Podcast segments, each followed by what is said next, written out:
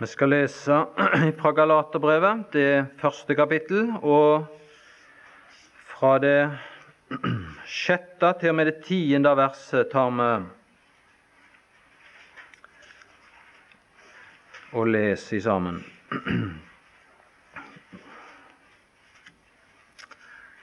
Fra vers seks og til og med vers ti. Jeg undrer meg over at dere så snart vender dere bort fra Ham som kalte dere ved Kristi nåde, til et annet evangelium, skjønt der ikke er noe annet. Det er bare noen som forvirrer dere og vil forvrenge Kristi evangelium. Men selv om vi eller en engel fra himmelen forkynner dere et annet evangelium enn det som vi har forkynt dere, han være forbannet. Som vi før har sagt, så sier jeg og nå igjen, om noen forkynner dere et annet evangelium enn det som dere har mottatt, han være forbannet. Taler jeg nå mennesker til vilje eller Gud, eller søker jeg å tekkes mennesker? Søkte jeg ennå å tekkes mennesker, da var jeg ikke Kristi tjener.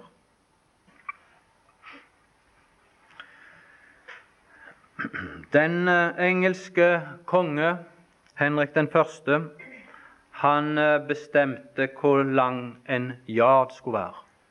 Det sies at han eh, tok utgangspunkt i sin nesetipp og så fram til ytterste ledd på tommelfingeren, det var en yard. Nå, nå vet vi vi bruker meter, og det Det har hendt at jeg har eh, spurt elevene hva er en meter, og, og hvorfor er en meter så lang som en meter nå en gang er. Og det er ikke alle som kan svare på det. Og det er nå gjerne ikke å forundres i de årsklasser som jeg eh, prøver å undervise i dag. Men det, det, det er avgjørende nødvendig å ha en fast og en absolutt standard for mål. Når jeg spør om dette, så sier de gjerne at jo, en meter det, er 100 cm eller 1000 millimeter. Og det, det, er jo sant, det, men det er jo ikke svar på spørsmålet. For uh, en centimeter kunne jo være mye større, og en millimeter kunne også være større. Men hvorfor er en meter akkurat sånt? Jo, det, det i alle fall eh, I 1790-årene, sies det, så, så, bestemte de at en meter det skulle være en timilliontedels jordmeridian. De tok utgangspunkt fra Polen og ned til ekvator. Delte det inn i ti millioner like deler, og da skulle enhver av dem det skulle være en meter. Jeg vet ikke om de fremdeles tar utgangspunkt i det, men i alle fall det er en meterstav visstnok nede, i, eh, nede i Paris som oppbevares. Visstnok lagd av platina for at eh, standarden liksom ikke skulle bevege seg sånn med temperatur og andre forhold som kunne spille inn. De måtte ha en absolutt standard. Og, det tenkte jeg på når eh, når vi, vi leste disse vers her. Det, det, er avgjørende, det, for meg og deg, å ha en absolutt standard, ikke en sånn en som kan skifte litt. Grann. Hvor langt det er fra nesetippen og til ytterste tommelfingeren, det kan nok variere på noen og enhver av oss. det. Men, men her må vi ha en absolutt standard. En gudgitt standard for å vite hva som er Guds evangelium. Vi må holde det opp imot originalen, og det er det de gjorde jeg vet ikke om de gjør det fremdeles når de tok og reiste til Paris og, og la liksom meterstaven ved siden av den de hadde oppbevart der. I, i det der internasjonale byrået for, for, mål og vekt. Her er vårt, her er vår standard. Her er, her er det internasjonale standard. Det, det, er her vi må, det er denne originalen vi må legge det opp imot. Og på en måte Det er nesten et sånt arbeid Paulus tar seg fore her i disse vers, som vi har lest. Det er det han opptar det med. Han har uh, kommet med noen innledende vers i de første fem, Og fra det ellevte verset av så begynner han nær sagt å, å ta seg av og argumentere for sin tjeneste. At den er uavhengig, den er direkte mottatt. Og det budskap som han har mottatt da i den, den sammenheng. Vanligvis, hvis du leser de andre brev, så vil du se at i begynnelsen så, så taler han gjerne et ord til disse med takk til Gud for det Gud har virka i de troende som han skriver til i de enkelte menigheter. Men her er det ikke et slikt ord. Her går han liksom rett på sak. Her er det nær sagt et harmdirrende rop av forbauselse. Overraskelse og harme. Overraskelse over at de så snart kunne vende bort ifra det budskap de hadde hørt og mottatt fra apostelens egen munn, til å vende seg til et annet budskap, som var en forvrengt utgave, og som påberopte seg navnet evangelium, men som ikke var det. Og så er det denne harme som vi finner fra det åttende, åttende vers. Her er det Kristi trell som taler. Det ser vi i det tiende vers. Her er det Han som er Kristi og Gud Faders apostel. Direkte har han fått sin tjeneste derfra, og som sådan er det at han taler her. Han kjenner kun én lydighet, og det er i forhold til den som han er utsendt fra. I det femte vers så står det 'ham være æren i all evighet'. Eller det ordet som dere er ære, det oversettes også med herlighet. Herlighet. Han altså tilhører herligheten.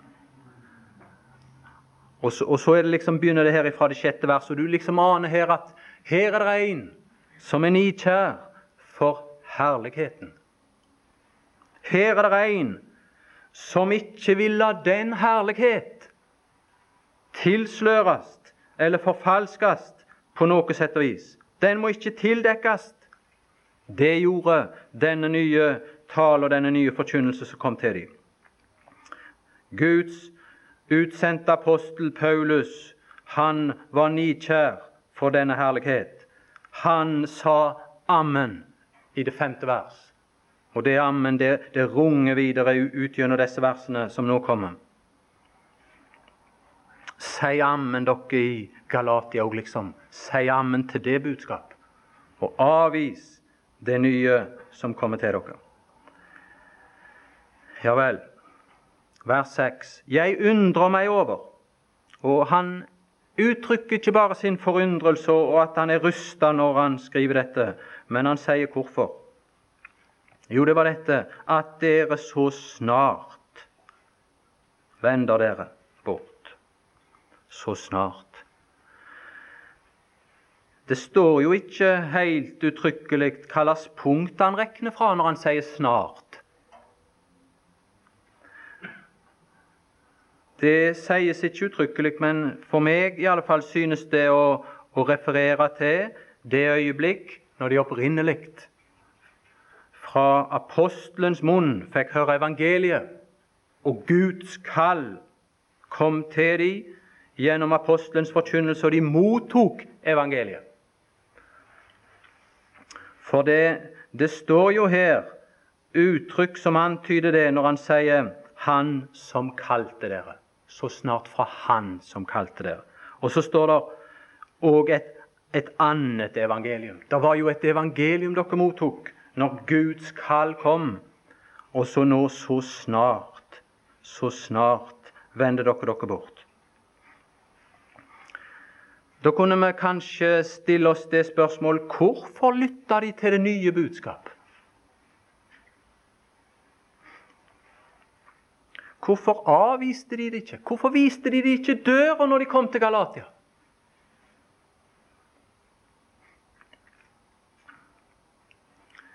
Er jeg og du så tilfreds i Paulus evangelium at vi avviser dem? Vi låner ikke øyre engang til dem som har et annet budskap som avviker fra det? Har du og jeg kraft til å avvise, sånn som Magne innleda med her, og, og satte disse vers for oss i, et, i det rette lys? Er det kraft i meg til å avvise en som fører et annet budskap? Hvis du leser om korinterne, så var de i en slik åndelig forfatning at apostelen mente om dem at de var et farlig bytte. De fire siste kapitler handler egentlig om disse menneskers tjeneste, som vi finner her igjen i Galaterbrevet. Hvis du nå slår opp i 2. Korinterbrev 11,3, så vil du se at det var nettopp så apostelen mente. At, at de, de, de, var en, de, var i en sånn tilstand at de ville kunne være et bytte. Se nå i det første verset, f.eks. Gi dere ville tåle litt dårskap av meg, dog dere skal tåle meg. Ja, altså Paulus Paulus han måtte be om at det han førte fram, ble tålt. Det hadde de litt vanskeligheter med å tåle, det Paulus sa der i Korint. Men så kom det noen andre. Se i det tredje vers, men jeg frykter for, jeg frykter for. Deres åndelige tilstand er slik. Jeg frykter for at like som slangen dåret Eva med sin list, således skal også deres tanker Det begynner der. Forderves og vendes bort. Vi skal se noe om den. Den prosess som var i gang i Galatia, den var heldigvis ikke avslutta. Det var et lys der ved dette at det var, det var kun så vidt begynt. Det var ikke avslutta, men den vender bort fra den enfoldige troskap mot Kristus. For om det kommer noen til dere og forkynner dere en annen Jesus, ja vel, hva så? Som vi ikke har forkynt? Ja, det er standarden. Som vi ikke har forkynt. Og så videre nedover. Eller et annet evangelium i slutten av det fjerde vers. Som dere ikke før har mottatt. Hva da? Da vil dere gjerne tåle det. Da vil dere gjerne tåle det. Tror du at de som gikk på veien med den Herre Jesus til byen Emmaus på oppstandelsens dag og fikk utlatt Skriften av den oppstandende Kristus Hvis det hadde kommet noen rabbinere og lagt fram for dem tjukke bøker med rabbinske utleggelser av Det gamle testamentet, tror de ville sagt ja, dette var interessant, og dette får vi undersøke. Du, de hadde fått Det gamle testamentet utlagt av den oppstandende, og de var immune mot sånt. Hvor immune er jeg og du i disse dager? Det synes jeg er et viktig spørsmål å stille oss. Der står dette og Jeg skal ikke ta tid nå å lese det i 5. Mosebok 13, så står det hvordan du skal opptre hvis det kommer en falsk profet. Og det var sånt som Magne her sa. Du skal ikke, da samtykk ikke, avvis det. Men det som var undringen hos apostelen, det var at det skjedde så snart. Slå opp i 2. Mosebok 32.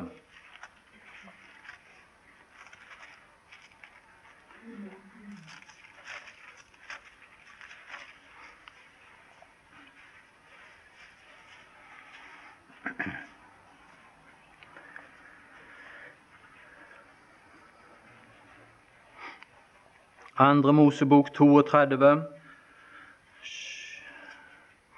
sjuende vers leser jeg. Da sa Herren til Moses, skynd deg og stig ned. Ditt folk som du har ført opp fra Egyptens land, har fordervet sin vei. De er hastig. Det er en tendens, dette. Det er ikke et enkeltstående problem i et lite avbygd eller et lite distrikt eller område som det visstnok var. Galatia, dette. Et avleggs dødt problem. Nei, det er et problem for Guds folk. Fordi vi er ikke her i et nøytralt område. Vi er i fiendens land, og vi er utsatt for anslag av de forskjelligste slag. Og det er ikke bare at de vek av, vek av men at de hastig vek av. Hør du.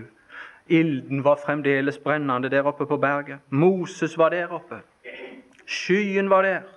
Og de holdt på med dette her nede. De vendte av fra den vei. Det er lett, det. Vi kunne lest andre skriftsteder, men vi kan tenke på vår egen tid. Det som jeg og du har opplevd i vår tid som troende, har vi ikke sett at plutselig så skjer det en utvikling. Det skjer underlig hastig. Det var et annet vitnesbyrd. Det var en annen lyd i trompeten, men plutselig så skar det av. Det kan gå så veldig hastig. Så snart vender dere bort. Vender dere bort fra Ham som kalte dere ved Kristi nåde de, de var ikke liksom uheldigvis utsatt kun for en ytre innflytelse, men her var et ansvar som lå i dette. Det, det er ikke passivt, dette skrevet i.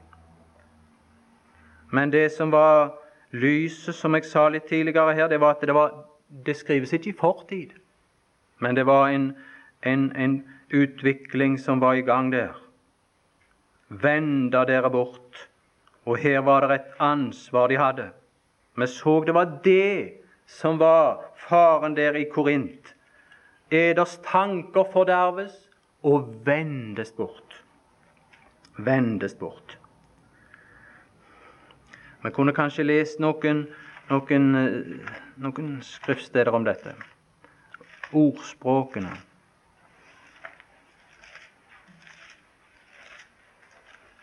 Det sjuende kapittel kan vi kanskje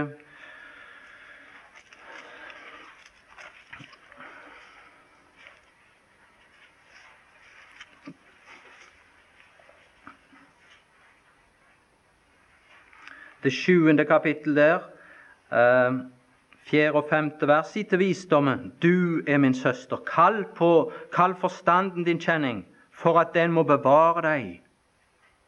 For her er besnærende, listige, lokkende krefter ute etter deg. For at den må bevare deg fra annen manns hustru, fra fremmede kvinner som taler glatte ord glatte ord. Hva er hensikten? Se i det 25. vers. La ikke ditt hjerte vende seg, vende seg til hennes veier. Vende seg til hennes veier. Og du, du ser det blir et dårlig resultat. Forvill deg ikke inn på hennes stier. Hva var det Magne leste? Så de slår inn på avveier. Avveier. Og det er dramatiske resultat. De har ikke Gud.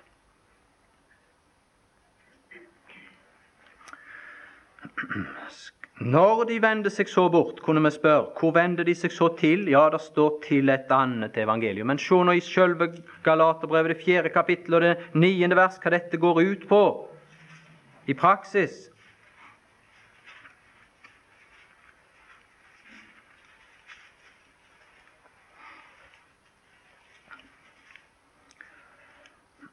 Der står det i det niende vers Men nu da dere kjenner Gud Ohoi, Her var det et utgangspunkt apostelen kunne tale til de kjenner Gud. Ja, det som er, er erkjent av Gud. Hvorledes, hvorledes kan dere da? Da vende Ja, hvor vender de seg? Om igjen til den skrøpelige og fattige barnelærdom. Vil dere da på ny igjen trelle under den? Det var følgende. Det var resultatene. Jeg undrer meg over at dere så snart vender dere, vender dere bort fra ham som kalte dere. Fra ham som kalte dere. Her er det et, et tragisk personlig element i dette. Det er ikke det at de bare vendte seg ifra en idé eller en lære eller en bevegelse. Men å motta dette andre evangelium som det omtales om, denne forkynnelse, ville medføre at de forkasta Gud. De tapte Gud. Og det er dette som ble lest i det verset som Magne siterte. Å vende seg til et annet evangelium er å vende seg bort ifra ham. De taper Gud.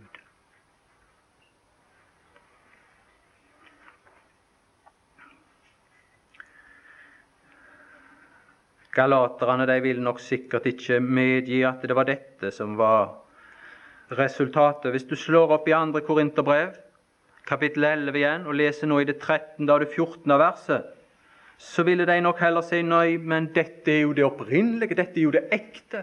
Dette er jo det sanne evangelium som disse forkynner. Du, Paulus, du er litt av en særling, men de andre apostlene, Jesus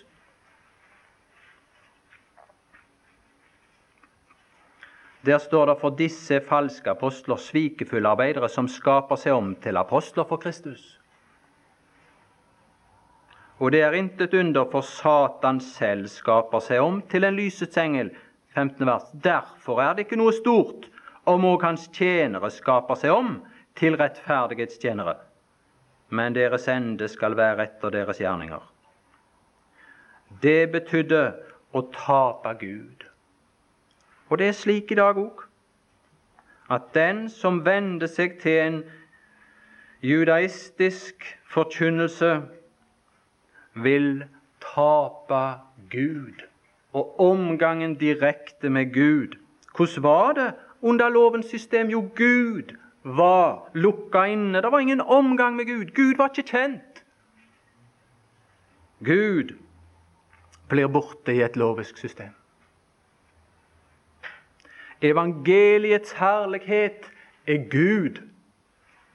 Hvis du leser i Romerbrevet kapittel 1, det 16. og 17. vers, så er det dette som er det Paulus legger vekt på. Evangeliet har brakt oss velsignelser. Ja, det har brakt oss noe mer.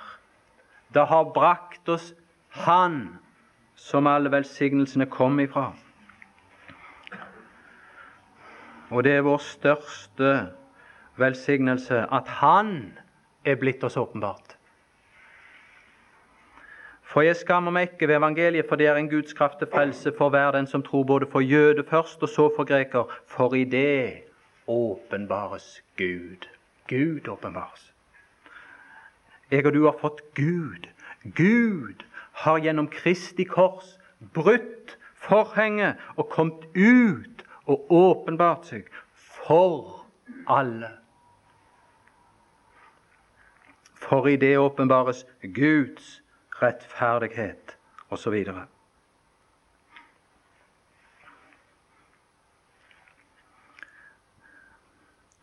Som kalte dere ham bort fra ham som kalte dere ved Kristi nåde til et annet evangelium. Ja, Det var, det var nettopp det Paulus sjøl hadde opplevd. Det var nettopp det Paulus sjøl i det samme kapittel her taler om. Se i det 15. vers. Det var det han tilskrev det hele. Det er det som er saken i dette budskap som får navnet evangelium. Fra Kristi nåde til et annet evangelium. Det sanne evangelium er Kristi nåde. Det er mye forurensning i denne vår tid. Men du, må denne rene, fullkomne Kristi nåde holdes rein i vår munn, i vår bekjennelse, i vår forkynnelse. Ved Kristi nåde. I det 15. vers da er det Paulus som omtaler sitt eget kall. Og der er det Gud som, som det tales om, kalte meg ved sin nåde. det var, var det kallet kom til han som, som Kristi nåde, som Guds nåde. Og det er en kontrast til alt det som disse andre ville lære. Se bare i det femte kapittelet, i det fjerde vers. Det, der, der, er det sånne sterke uttrykk som er brukt for å vise at dette budskapet i sin renhet, Kristi nåde, det er utelukka dette andre som de kom med. Dere er skilt fra Kristus, dere som vil rettferdiggjøres ved loven. Dere er falt ut av nåden. De er gjensidig utelukkende. I det andre kapittelet, i det 21. vers, taler han på samme måten apostelen om disse ting. behøver ikke lese det for deg, det kan du se på sjøl. Hva er de, sier han i det fjerde kapittel? Jo, dere er, dere er løftets barn, like som Isak. Hvem var det som var Isaks mor? Det var Sara. Hvem var det som hadde født de? Jo, det var dette nådens pakt. Denne nye nådens pakt var det som var deres grunn å stå på. Det var ved et løfte som kom til dem et uforskyldt, uten disse tillegg og, og forpliktelser. Se i Romerbrevet det niende kapittel.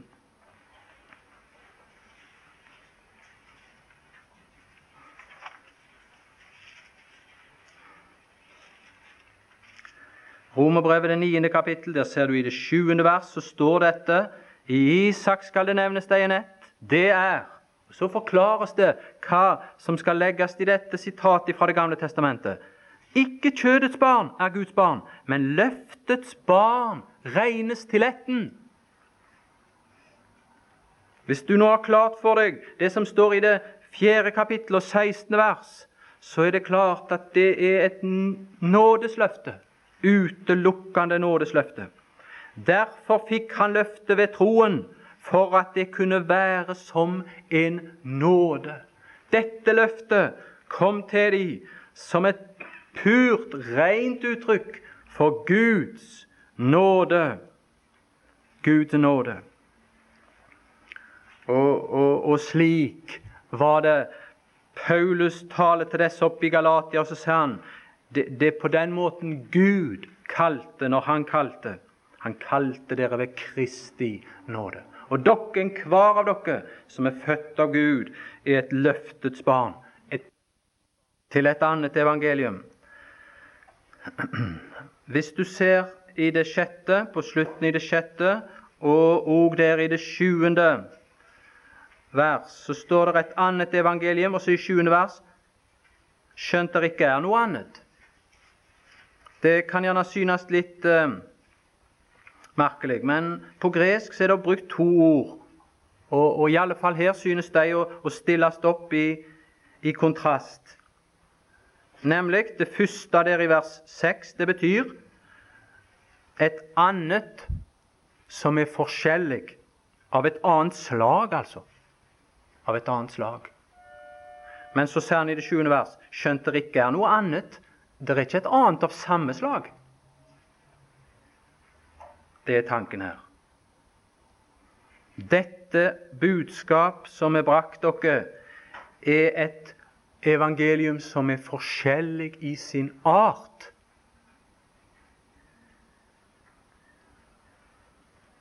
Ifra det evangelium som jeg har brakt dere. Men så Så kunne en si Ja vel, men når, det når de så snart faller bort fra dette budskap som Paulus har forkynt i, da må det vel kanskje være noe galt med selve budskapet.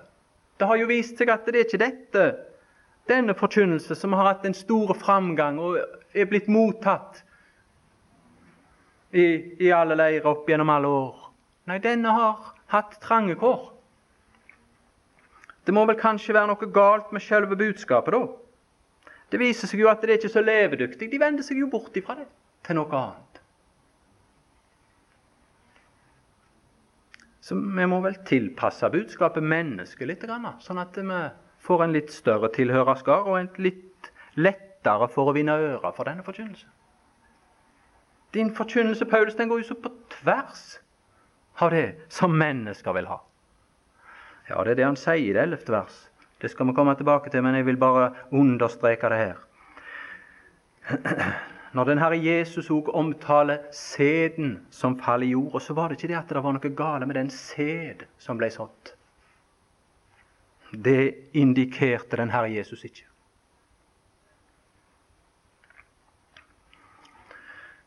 Det står Paulus sier der i det ellevte vers, og det er dette som er saken, og det er derfor det kanskje får denne mottakelse.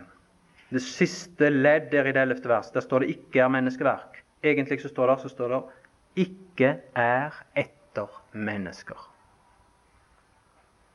Det er, er derfor mennesker har så vanskelig for å godta dette budskapet. Det er ikke sånn at det tilpasser seg mennesket og har en appell til det naturlige mennesket. Det er ikke det.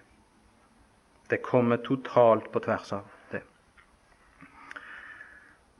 Hva var det med Abraham når han gikk nedover mot Egypt?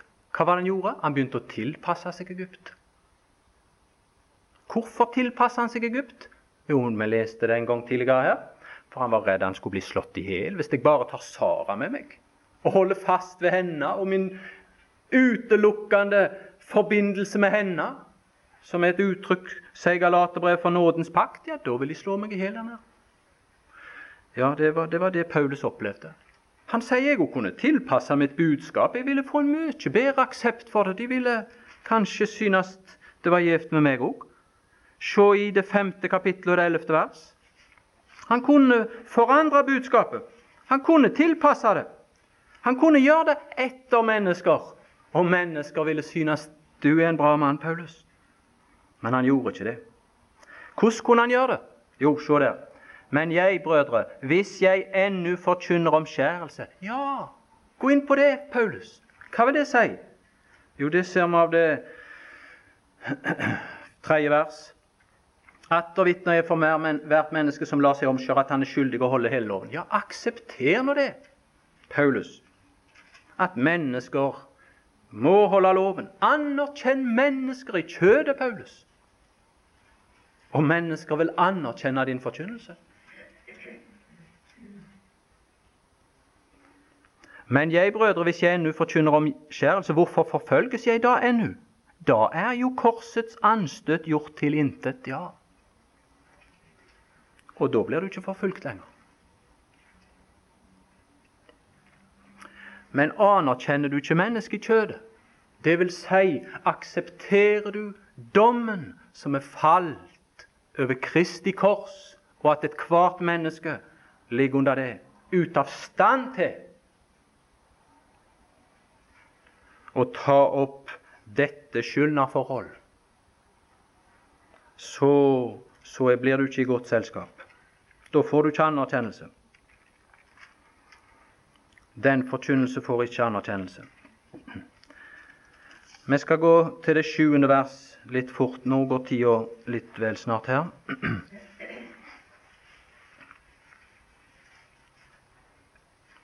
Skjønt det ikke er noe annet det er liksom apostelen sier da, at eh, selv om jeg kalte det evangelium gode nyheter, det andre, så betyr det ikke at det er det i virkeligheten, for det er ikke gode nyheter. Det er av en annen slag. For det er ikke et av samme slag. For alt som avviker fra det budskapet jeg har brakt dere, og som dere har mottatt, ser han i det niende vers, det er, det er et annet av en annen slag av en annen slag. Og alt må justeres. Det må bevise sin rett til å kalles gode nyheter. Og da må det holdes opp imot originalen, mot det sanne, det gudgitte budskap. Og så sier han det er bare, det er bare Dette ordet, altså, bare, det, det begrenser det Paulus har sagt, skjønt det ikke er noe annet. En kunne jo forstå det, kanskje denne setningen, hvis en leste den rent utenfor sammenhengen her, til å bety noe i retning av at det andre budskapet, det som de andre forkynner, det har ingen tilknytning til det sanne Guds evangelium. Det er liksom uten forbindelse. Men hvis det det var, så ville jo ingen bli bedratt. Skjønt det ikke er noe annet av samme slag. Det er bare. Det er bare. Han må ha et forbehold her. Det er bare. Hva er forbeholdet? Jo, det er dette forskjellige evangelium har en forbindelse med det sanne. Og det er dette som er det besnærende og det farlige. Bare, bare i den betydning at det er noen som forvirrer dere, og som vil forvrenge.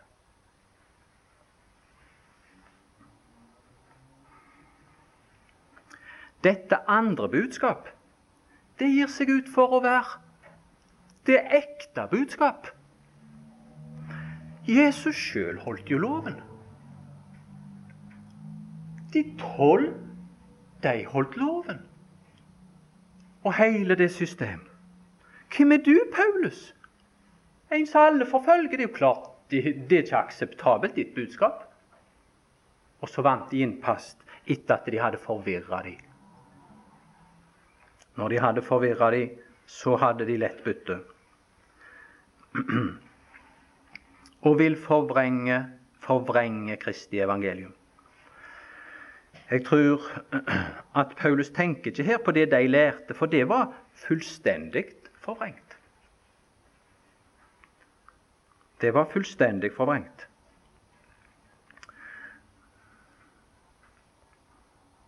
Men her er det villigheten til å forvrenge som forvirrer dere og vil forvrenge. Men det budskap de forkynte, det var en total forvrengning. Det forstår vi når vi leser sammenhengen her. Men hva var det? Jo, de ville forvrenge det budskap galaterne hadde mottatt. For det ser vi i det niende verset at det de hadde mottatt, det var det Paulus brakte de. Og det ville de, det ville de, men de hadde ikke lykkes ennå. Og Det var derfor brevet kom, og det var derfor Paulus med iver skrev til de dette som Magne minte oss om ta dere i vare. Hold det budskapet opp mot originalen, og du skal kunne skjelne hva som er det rette imot det usanne. Merk deg rekkefølgen her, som forvirrer dere og vil forvrenge. Ja, det, det kan vi se. Vi kan se det i apostelgjerningene, det 15. kapittel.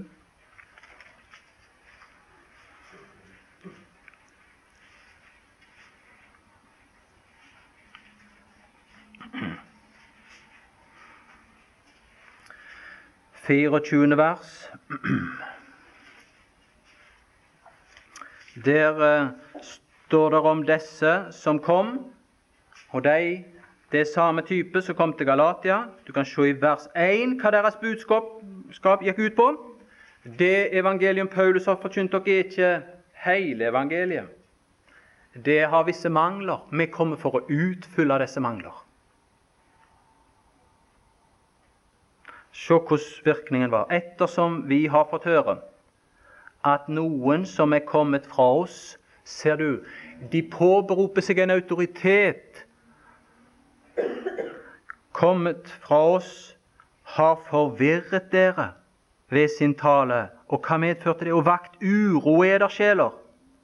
Og så kommer det en tankestrek med tankevekkende innhold.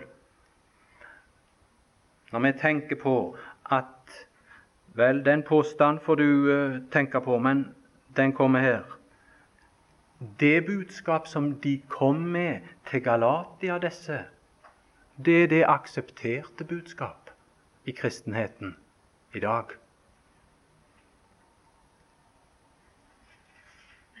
Og da synes jeg at dette kommer som et ekko fra det første kirkekonsil her i apostelgjerningene 15, der de var samla alle apostler med apostolisk autoritet på den tida. Det var en enstale, og det var dette Vi har ikke gitt dem noe pålegg. Det har ingen sann, guddommelig og apostolisk autoritet, dette budskap. Et forvirrende budskap er det. Så kunne vi si ja, kjente Paulus til dette her, eller, Eller talte han nå, og med en veldig strenghet som vi skal komme til eh, Det får bli til en, ved en annen gang. Han talte jo med slik strenghet her, og noen blir forferdet over den strenghet, for de synes kanskje det, han går vel langt her. Er det et utbrudd? Han kommer med et uoverlagt utbrudd? Nei, det er ikke det. Det er ikke det. Men, men, hadde Paulus kjennskap til dette? her? Ja, han hadde det. Og han forklarer oss fra det ellevte verset nedover at han hadde innvidd sitt liv til dette med hele sin sjelskraft å gå den vei. Så han visste hva han talte om. Han visste hva han talte om. Og han skal tale om det i læremessig forstand i det tredje kapittelet, at nå er vi ikke på den vei lenger. Den tid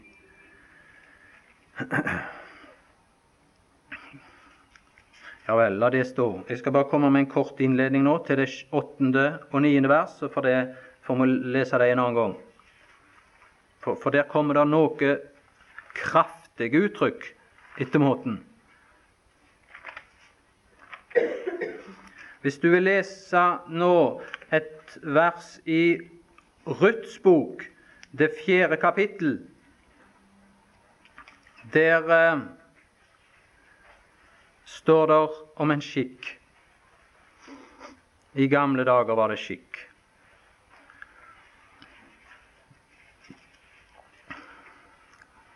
Og Som et forbilde så tror jeg det har noe med dette å gjøre, som jeg nå leser. Vi, vi sa vel det òg en annen gang, forrige gang, tidligere, da det ble lest fra Ruths bok, av den som innleda. Og, og vi nevnte det, og jeg, jeg tenker på jeg vil lese her. 4-7. I gamle dager var det skikk i Israel. Ja, nå husker du sikkert sammenhengen her, så jeg bør ikke ta tid til å lese det nødvendigvis. Men det var moabitinnen Ruth og loven hadde en klar uttale om denne. Hun var under dens forbannelse fordi hun var en moabittinne. Og så var det spørsmål om hvem som skulle utløse henne og arven. Og oppreise den avdødes og gi den avdøde avkom og gi liv, og samtidig utløse arven. Og Det er et sentralt anliggende i Galaterbrevet. Det vil vi se senere. Så kommer det her en I gamle dager var det skikk i Israel. Ved sånn innløsning. Og det de skulle gjøre, at eh, skoen skulle tas av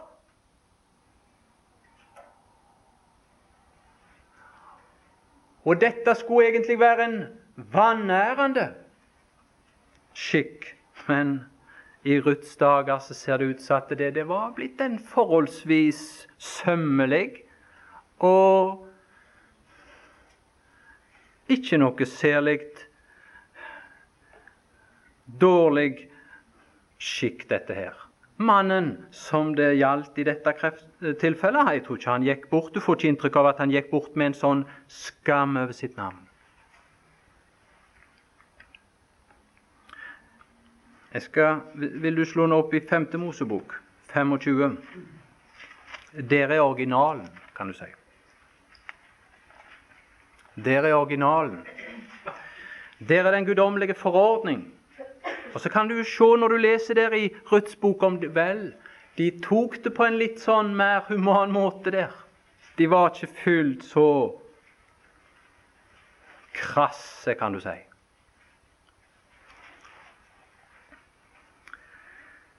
Det ble ikke så strengt utført. Fra det femte vers i femte Mosebok 25 utover så tales det om dette. Hvordan de skal gjøre, og, og, og så videre nedover der.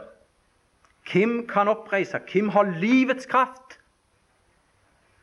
Ja, eh, Galaterbrevet sier jo i det tredje kapittelet at det finnes ingen lov som kan gi liv. Nei, det er klart. Så, så kommer, kommer det hva de skulle gjøre hvis de ikke ville innløse. Hvis de måtte innrømme at de ikke kunne oppreise den som lå under forbannelse, og gi liv og innsette de med rette i arven. Ja vel, da står det hva de skulle gjøre. Se fra det åttende vers. Og de eldste i hans by skal kalle ham for seg, hans ikke ville altså, hans ikke kunne, han som måtte innrømme det. Og tale til ham, holder han da fast ved sitt og sier, jeg har ikke lyst til å gifte meg med henne, da skal hans brors hustru trede frem til ham for de eldstes øyne og dra skoen av hans fot. Skoen, som var det symbol på at han skulle trø inn på arven og ta den i besittelse. Dra den av han. Hans rettigheter skal overføres til den rette mann som kan. Dra skoene av han, og det skulle være en vanærende handling, det. Det var med forakt dette skulle gjøres. Bare se i det tiende vers. Og hans ett skal siden i Israel. Siden i Israel kalles den barfotede sett. Han har ikke mulighet til å ta opp dette. Rettighetene til dette, dyktigheten til dette, det skal den mann besitte som kan dette.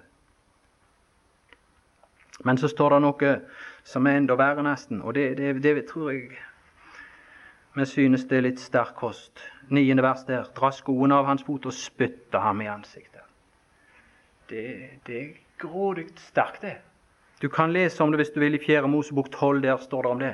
Og da skal hun sitte med forakten. Det er den sterkeste form kanskje for forakt, som uttrykkes gjennom det at du spytter et menneske i ansiktet. Knytta til det at han er ikke dugende, villig eller i stand til å løse det mennesket ut. Og I Ruths tilfelle så var det et menneske som lå under loven og lovens forbannelse, for det var en spesiell dom over moabittene. Vi må tilbake der, fjerde kapittel og, og niende vers. Der vil du se det foregår litt forsømmelig, nesten. Det står ikke at det, Se i det sjuende vers. Uh, drog sin sko av og gav den til den andre. Se her, liksom. Det er ikke dette foraktelige som medfører det skamfulle navn den barfotede, og det er ingen snakk om dette spytt i ansiktet. Denne mannen går bort tydeligvis mer eller mindre med den samme anseelse og respekt.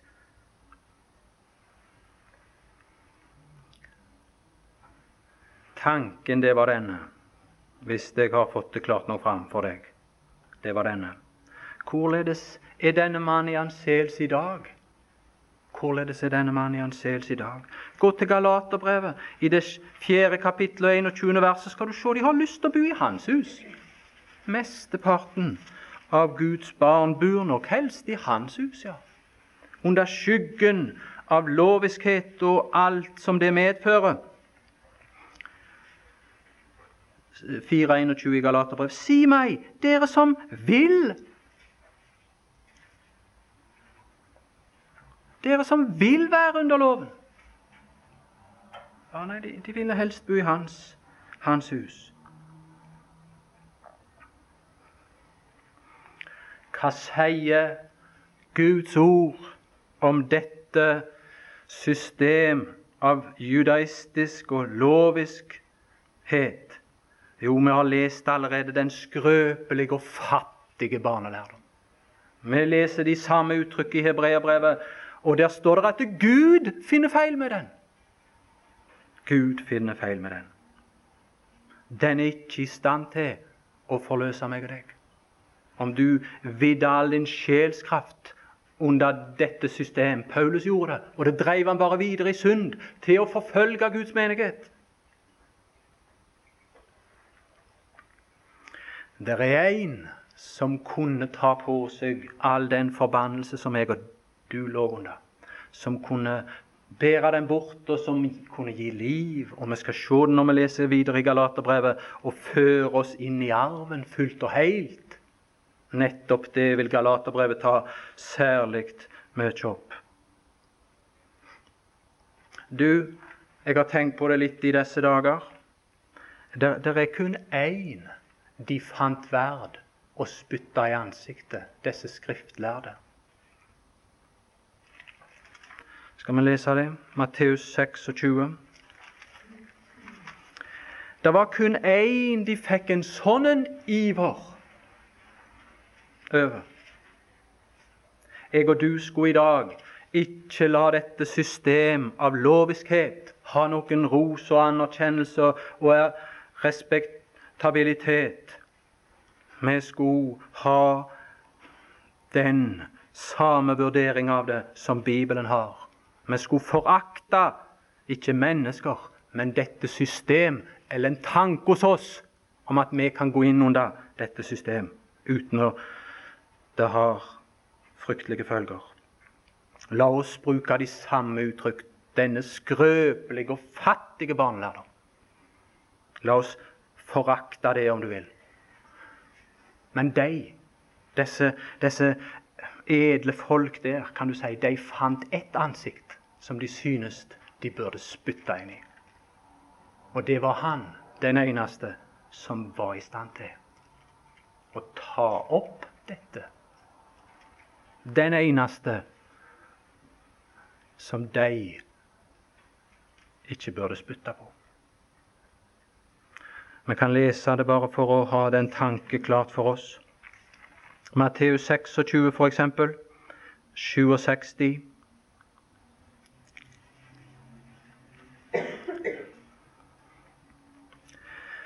Da spyttet de ham i ansiktet. De hvem? Mobben? Nei. Hvis du leser foran det ypperste prestene, det er det høye råd, det er judaismens krem, dette.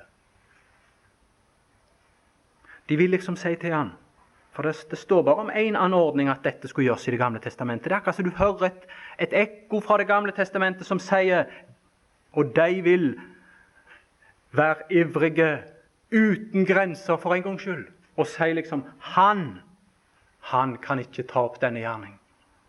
Han kan ikke føre liv inn til den døde. Han kan ikke reise opp noen. Han, han må det spyttes på. Det, det, det er her knivseggen er.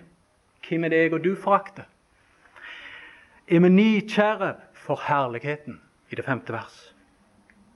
Ham, der i Galaterbrevet kapittel 1 og vers 5, er, vi så nikjære for herligheten?